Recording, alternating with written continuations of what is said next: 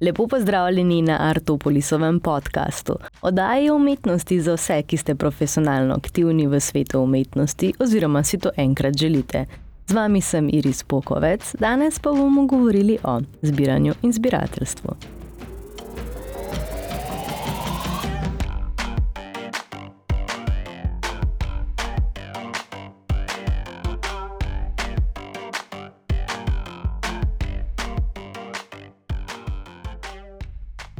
O zbiranju in zbirateljstvu. Zakaj zbiramo in kaj nam pomeni ta nabor predmetov? Glede na to, da bomo govorili o trgu umetnosti in trgu nasploh, je na začetku smiselen razmislek, odkot pravzaprav izvira človekova potreba oziroma zgib za zbiranje, razstavljanje in obdajanje samega sebe s predmeti. Tako se osredotočimo na začetke razstavljanja in prve človeku znane predmete, za katere lahko trdimo, da so imeli poseben namen in katerih zbiranje je bilo tako ali drugače povezano z zbiranjem danes. Prvi statusni simboli. O prvih zbirkah, prvih zbirateljih in o komunikaciji z nevidnim. Zbiranje predmetov je obstajalo že na prazgodovinski ravni in sklepamo lahko, da jih je bilo mogoče tudi razstaviti. Poznamo namreč kar nekaj zbirk iz prazgodovine, vendar le ugibamo lahko njihov namen, saj jih lahko šele z današnjega vidika razumevanja zbirke in razstave skušamo osmisliti na tak način. Prav tako lahko o estetski vrednosti, ki so jo predmeti imeli za takratnega imetnika oziroma gledalca, le ugibamo. Beti Žirovc v knjigi Vloga kuratorjev v sodobni umetnosti iz prvih večjih skupin predmetov, ki bi lahko bili prva zbirka, izpostavi dve. Prva je nekakšna zbirka nakita iz mamutovine in predrtih zob živali iz francoske jame Grod Duren. Najdbe so verjetno pripadale neandertalcem in če izključimo možnost, da ni najdba ostanek iz delavnice teh predmetov ali kaj drugega, to dejansko postavlja neandertalce med prve znane zbiralce v zgodovini planeta. Druga, ki pa ji lahko z večjo gotovostjo pravimo zbirka, je zbirka najdena v grobu anatomsko modernejšega človeka, Brno 2 na Češkem.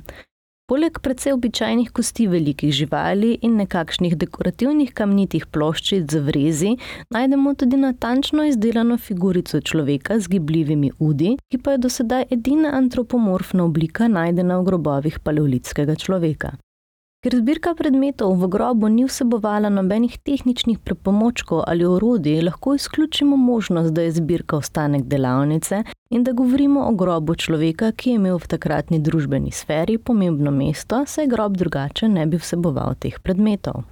Beti Žirovc omeni besedilo izvor muzeja, v kateri avtor opredeli zbirko kot sopostavitev predmetov, katerih namen je pritegniti pozornost, vendar ugotavlja, da je pozornost, ki so jo te prvotne zbirke želele pritegniti, ni bila toliko pozornost človeka kot pozornost onstranstva. Torej, namenjene so bile takratnim božanstvom ali mrtvim, ležečim v grobu ali njihovem posmrtnem bivanju. Podrobno je obravnava sicer časovno manj oddaljene zbirke, skupine predmetov ne le položene v grobove, temveč tudi umetnine v templjih, torej razstave, ki sploh niso bile namenjene temu, da si jih ogleduje človek, Vsekakor ne v smislu današnjega iskanja intelektualnega ugodja, temveč so za razstavljalca, torej imetnika, pomenile komunikacijo z onstranstvom, pridobivanje naklonjenosti bogov ali obratno. Ti predmeti so bili reprezentacije bogov in umrlih, ki so tako upodobljeni bdeli nad tem svetom. Če povzamemo, ti predmeti in te zbirke so torej služile komunikacije med obema svetovoma, pri čemer avtor opozori na pomembno vlogo, ki jo imajo ti predmeti pri statusu zbiratelja v družbeni hierarhiji. Ugotavlja, da dragocenosti v grobnicah ne pričajo o izbornem okusu pokopanega, temveč o tem, da so bili pokojniki na višjem mestu v družbeni hierarhiji, kar jim je sploh omogočalo ali narekovalo posedovanje takih predmetov. Zbiranje umetniških in drugih pomembnih predmetov, torej predmetov, ki so bili izzeti iz ekonomske menjave in niso bili cenjeni zaradi svojih praktičnih lastnosti, temveč so jim bili dani posebni pomeni, je eden izmed načinov, kako se družbene hierarhije projicirajo v realni prostor. Avtor knjige za nje uvede termin semiofor. Kot pravilo dodaja, da više kot je nekdo v takšni hierarhiji, večje število predmetov, semioforjev, s katerimi se obdaja. Ker so na vrhu takšnih družbenih ureditev vedno tisti, ki imajo moč komuniciranja z onstranstvom oziroma so predstavniki Boga na zemlji, pomislimo na svečenike ali pozneje na papeža, je tam koncentracija semioforjev najvišja. Evolucija statusnih simbolov. O kitchen aidu, lepih oblekah in lepi umetnosti. Če v nadaljevanju pridem do lastnega sklepa oziroma izpostavim svojo ugotovitev, so semioforji predhodniki in morda v ustreznem kontekstu celo so pomenka današnjim statusnim simbolom. Vendar mislim, da je treba upoštevati, da je imel avtor pri semioforjih v mislih te kot pokazatelje religiozne hierarhije, danes pa so statusni simboli bolj kot ne pokazatelji finančne moči lastnika. Če podam primer iz naslednjega poglavja. iPhone je semiofor današnjega časa, je sicer profan objekt, vseeno pa izžareva ideologijo in služi ideologiji. Torej, edino, kar se je v kontekstu semioforja spremenilo, je to, da so včasih služili ideologiji sveta, danes pa služijo potrošništvu. Njihov namen se ni spremenil, spremenila se je samo nosilna ideologija. To pa seboj potegne še eno pomembno izpeljano ugotovitev. Nekdanji semioforiji so bili zaradi svojega posebnega namena izzeti iz ekonomske menjave, današnji profani semioforiji pa so gonilo ekonomske menjave blaga. Prav tako sveti objekti včasih niso zares pripadali lastniku, saj so bili izzeti iz ekonomske menjave, ampak je bil lastnik zgolj obdan z njimi, saj so bili njegovo urodje za komunikacijo z onstranstvom, Današnji semioforji pa so zgolj in izključno lastnina in jih lahko kupimo v trgovini. Če se še za hip vrnemo k prvim zbirkam, je pomembno omeniti njihovo povezavo z umetniškimi zbirkami in razstavami prav zaradi povezovanja smrtnika z nematerialnim in iracionalnim. Doživljanje teh kvalitet je tisto, kar umetniške zbirke loči od ostalih zbirk, denimo zbirk prirodoslovnih ali etnografskih muzejev. Umetnost je še v današnjem času ohranila idejo, v kateri poseduje transcendentne in metafizične lastnosti in je prek nje mogoče dostopati do višjih resnic in čustev. Zanima me torej zbiranje umetniških del, ki se danes zbirajo predvsem v galerijah ali zasebnih zbirkah.